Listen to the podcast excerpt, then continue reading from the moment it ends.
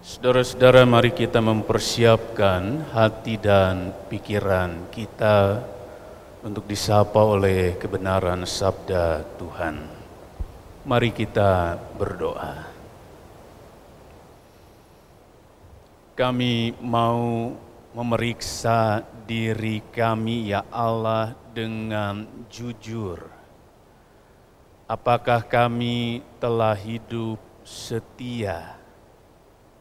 Dan benar di hadapan Engkau. Dan hari ini kami mau belajar untuk mampu menjadi pribadi-pribadi yang mampu dengan sadar mengakui berbagai kelemahan kami, kealfaan kami dengan jujur di hadapan Tuhan melalui persiapan perjamuan kudus. Dan di dalamnya kami akan kembali disapa oleh kebenaran sabdamu. Kiranya firman Tuhan boleh meneguhkan dan menguatkan kami.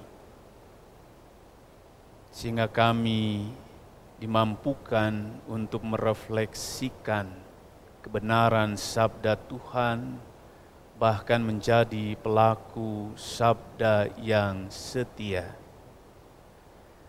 Berkati hambamu yang akan menyampaikannya, kiranya roh kudus yang menolong hambamu sehingga sabda Tuhan boleh tersampaikan dengan baik seturut dengan apa yang engkau kehendaki. Setiap kami telah siap dan sedia, ya Allah, untuk mendengar sabda Engkau. Di dalam nama Tuhan Yesus Kristus kami berdoa. Amin. Ratapan 3 ayat 40 dan ayatnya yang keempat satu.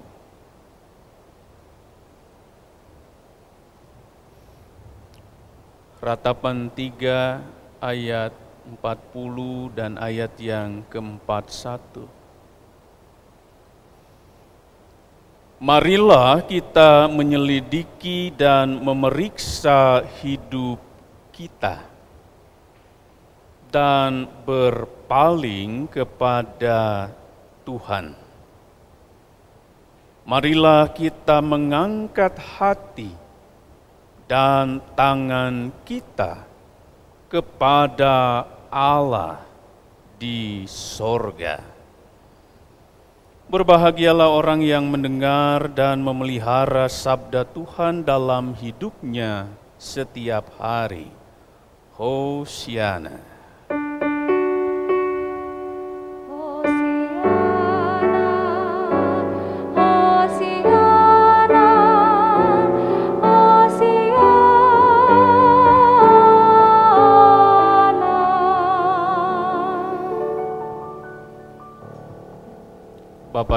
Dan saudara-saudara, serta anak-anak yang dikasihi oleh Tuhan Yesus Kristus, ada sebuah cerita tentang sepasang suami istri. Pada satu pagi, si istri melihat tetangganya melalui jendela rumahnya Tetangganya tersebut sedang menjemur pakaian. Lalu si istri ini berkomentar dan berbicara pada suaminya, "Lihat, Pak, tetangga kita tuh bajunya masih kotor. Pasti nyucinya tidak bersih."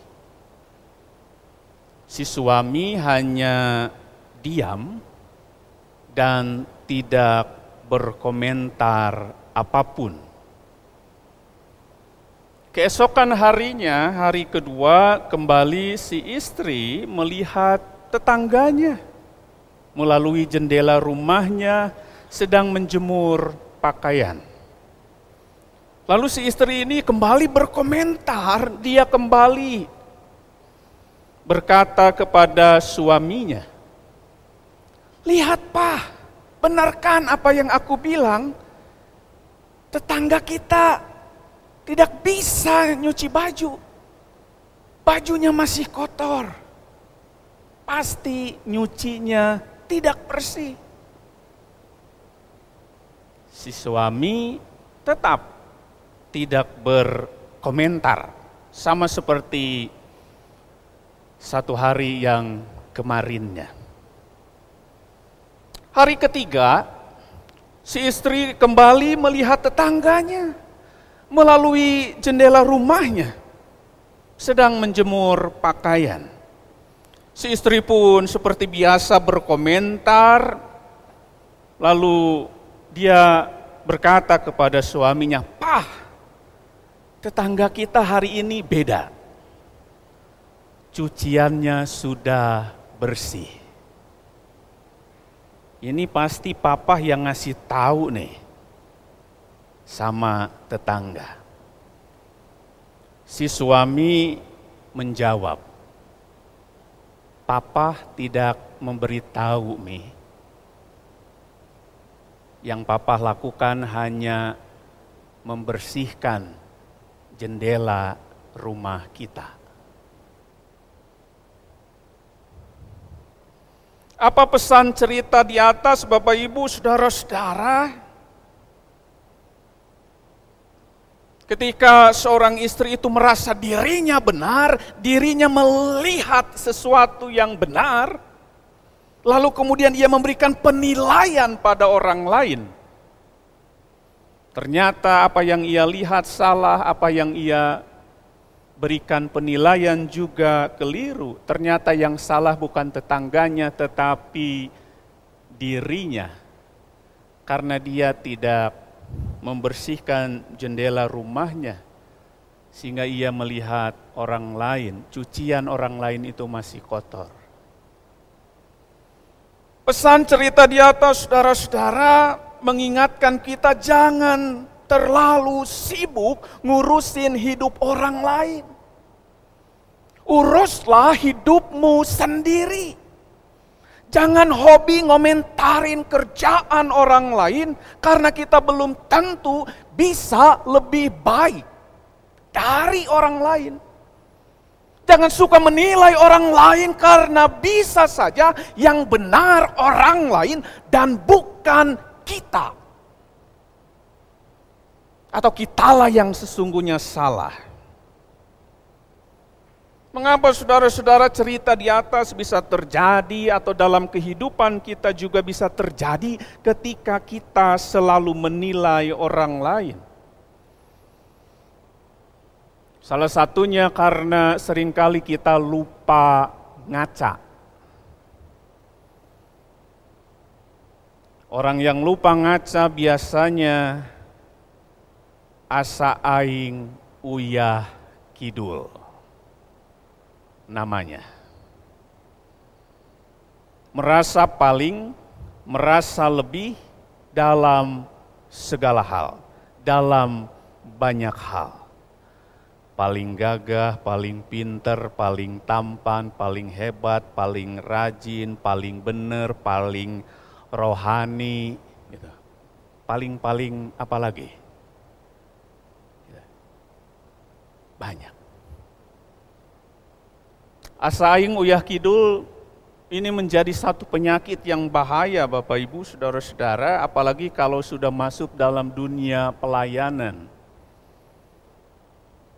Sebab orang yang asa aing uyah kidul cenderung melihat yang lain lebih rendah dari dirinya, yang lain tidak bisa, yang lain tidak mampu.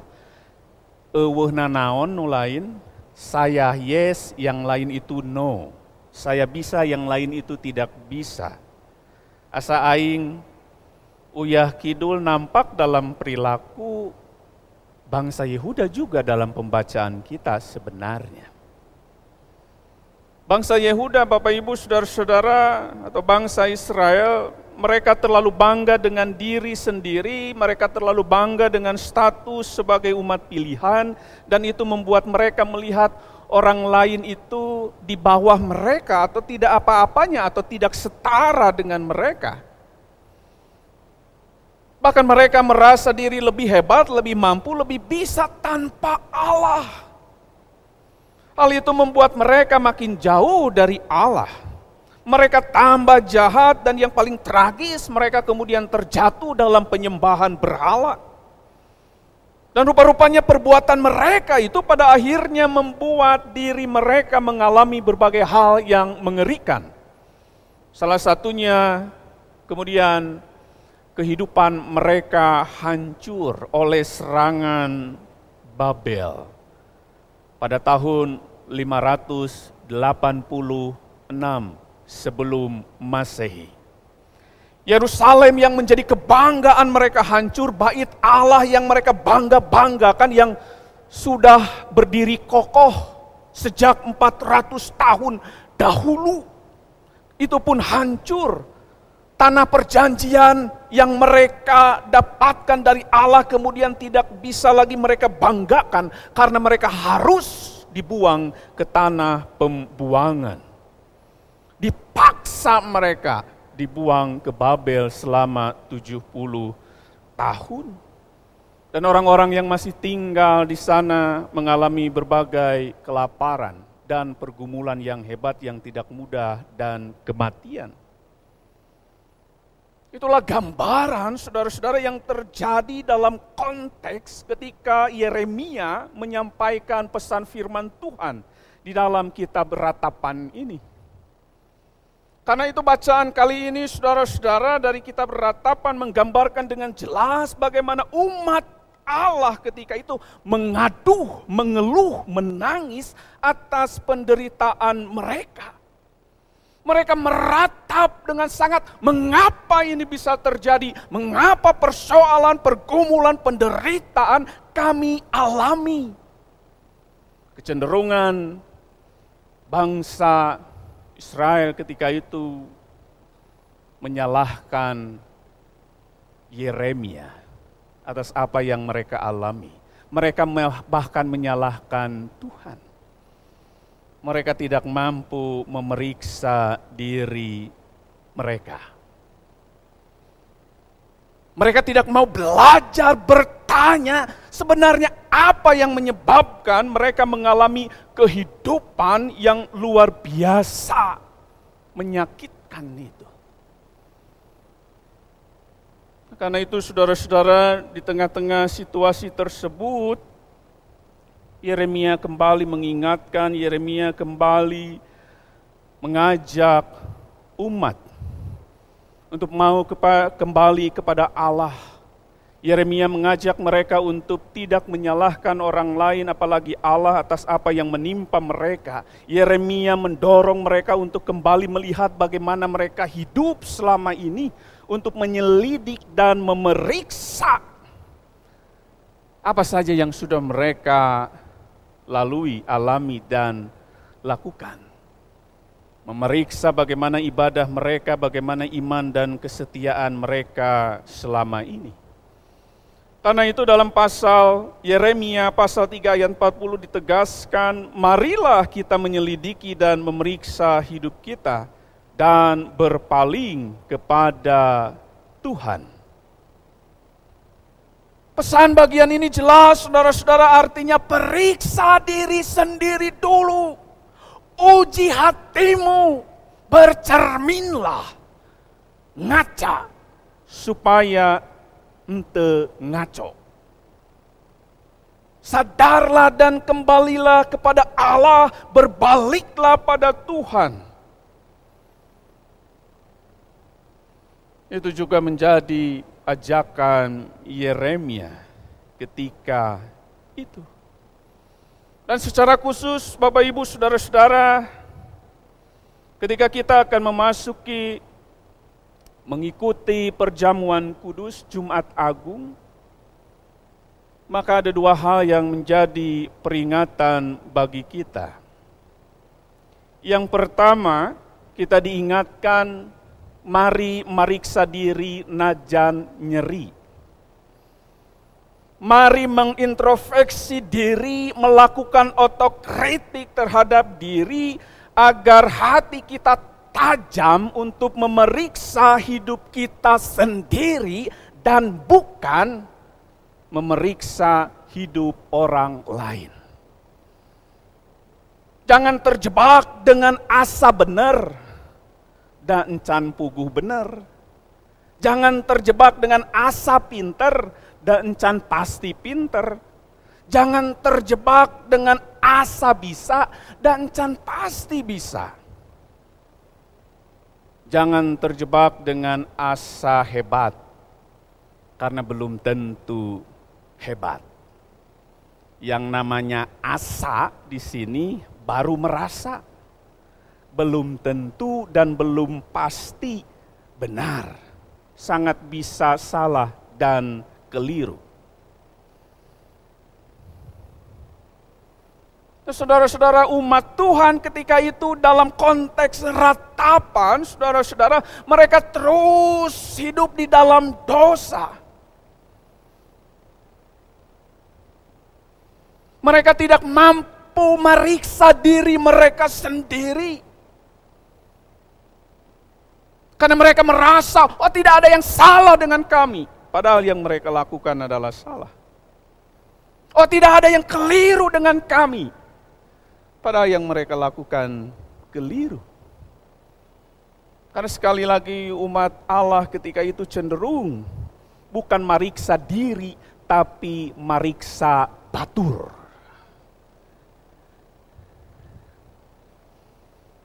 Saudara-saudara, yang namanya mariksa diri itu nyeri, tidak enak, itu menyakitkan. Tapi harus. Yang namanya mengevaluasi diri sendiri, melakukan otokritik itu nyeri, tidak mudah. Tidak semua orang mau melakukan itu. Karena itu jangan heran kalau lebih banyak cenderung orang yang berusaha menutupi kelemahannya, menutupi kekurangannya, menutupi kesalahannya, dan tidak mau jujur mengakuinya. Karena ketidakmampuan untuk meriksa diri. Mari saudara-saudara meriksa diri najan nyeri. Jangan hanya senang meriksa batur. Jangan hanya hobi mengevaluasi orang lain. Harus ini dan itu, tapi lakukanlah bagi diri sendiri. Koreksilah diri sendiri. Dan ketika kita mempersiapkan diri kita untuk memasuki perjamuan kudus, saudara-saudara, kita diajak untuk meriksa diri ngaca diri. Mariksa diri kurasa rasa tinu kawasa lain kuasa tapi kurasa jeng rumasa. Yang kedua saudara-saudara kita diingatkan mari berbalik pikir ulah mungkir. Berbalik pikir lain bulak balik bulak balik cek orang Sunda sama dengan edan eling. Ayana tobat isuk edan. Minggu tobat Senin ka Sabtu kumat edan deui. Babalik pikir ulah mungkir. Saudara-saudara, kita bisa berbalik pikir dimulai dengan pengakuan, dimulai dengan kesadaran, dimulai dengan pengetahuan bahwa oh ya saya lemah, oh saya berdosa, saya kurang, saya bisa salah, saya tidak selalu benar.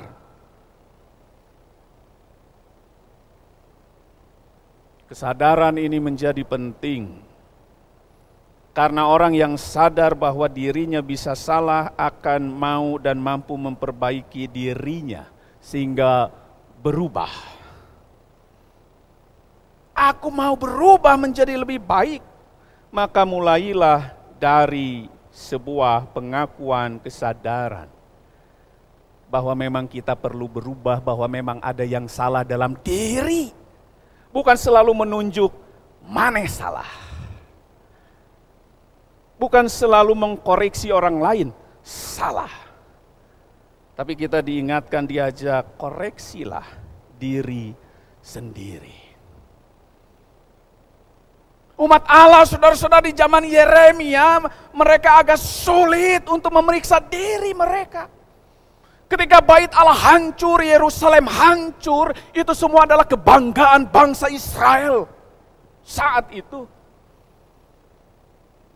Tapi mereka seolah-olah tidak mampu untuk sadar bahwa apa yang mereka alami sesungguhnya karena kesalahan dan dosa mereka sendiri bukan karena Allah, bukan karena orang lain. Karena itu saudara-saudara, sekali lagi ayat yang 40 tadi begitu tegas. Marilah kita menyelidiki dan memeriksa hidup kita dan berpalinglah kepada Tuhan. Periksa diri dengan berani. Dan akui kalau ada yang salah. Setelah itu berpalinglah kepada Tuhan. Berbaliklah kepada Tuhan. Arahkanlah hidupmu kembali kepada Tuhan. Dan syaratnya harus jujur memang membaca diri. Nah persoalannya membaca diri sering kali kita tidak bisa jujur tetapi membaca orang lain sering kali kita begitu mudah untuk melakukan itu.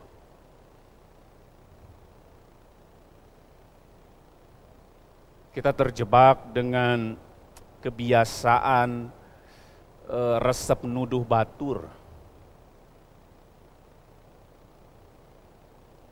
Sehingga kita terjebak ngurusin kerjaan batur, ngomentarin batur, apa-apa di dikomentari.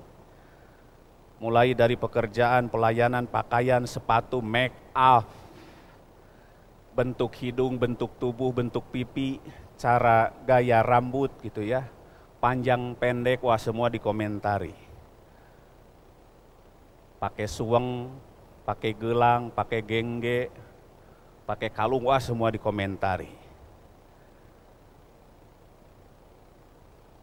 ya mungkin cara batuk dan cara ketawa juga dikomentari. Sampai remeh-remeh dikomentari. Saudara-saudara kalau orang kerjaannya sibuk komentari orang lain maka suka lupa berterima kasih atas kerja dan pelayanan orang lain. Lupa untuk menghargai dan tidak mau mengakui hasil kerja orang lain. Ini namanya kalau bahasa halusnya metedamang ini namanya sakit. Ada yang salah, ada yang keliru, ada yang tidak benar. Karena itu perlu berubah supaya eling, ente gering. Perlu babalik pikir, ulah terus mungkir. Ingat saudara-saudara yang dikasihi oleh Tuhan Yesus Kristus, Yeremia dia merasakan bahwa ada begitu penderitaan yang begitu besar yang dialami oleh dirinya dan juga bangsa Yehuda ketika itu. Ada tangisan, ada kengerian, ada kematian, ada kekecewaan. Tetapi Yeremia mengingatkan, periksa, periksa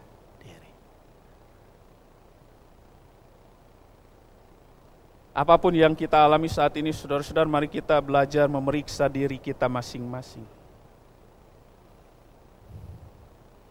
Karena itu ingatlah, berpalinglah kepada Allah, bertobatlah dan jadilah lebih baik, terlebih ketika kita akan memasuki perjamuan kudus.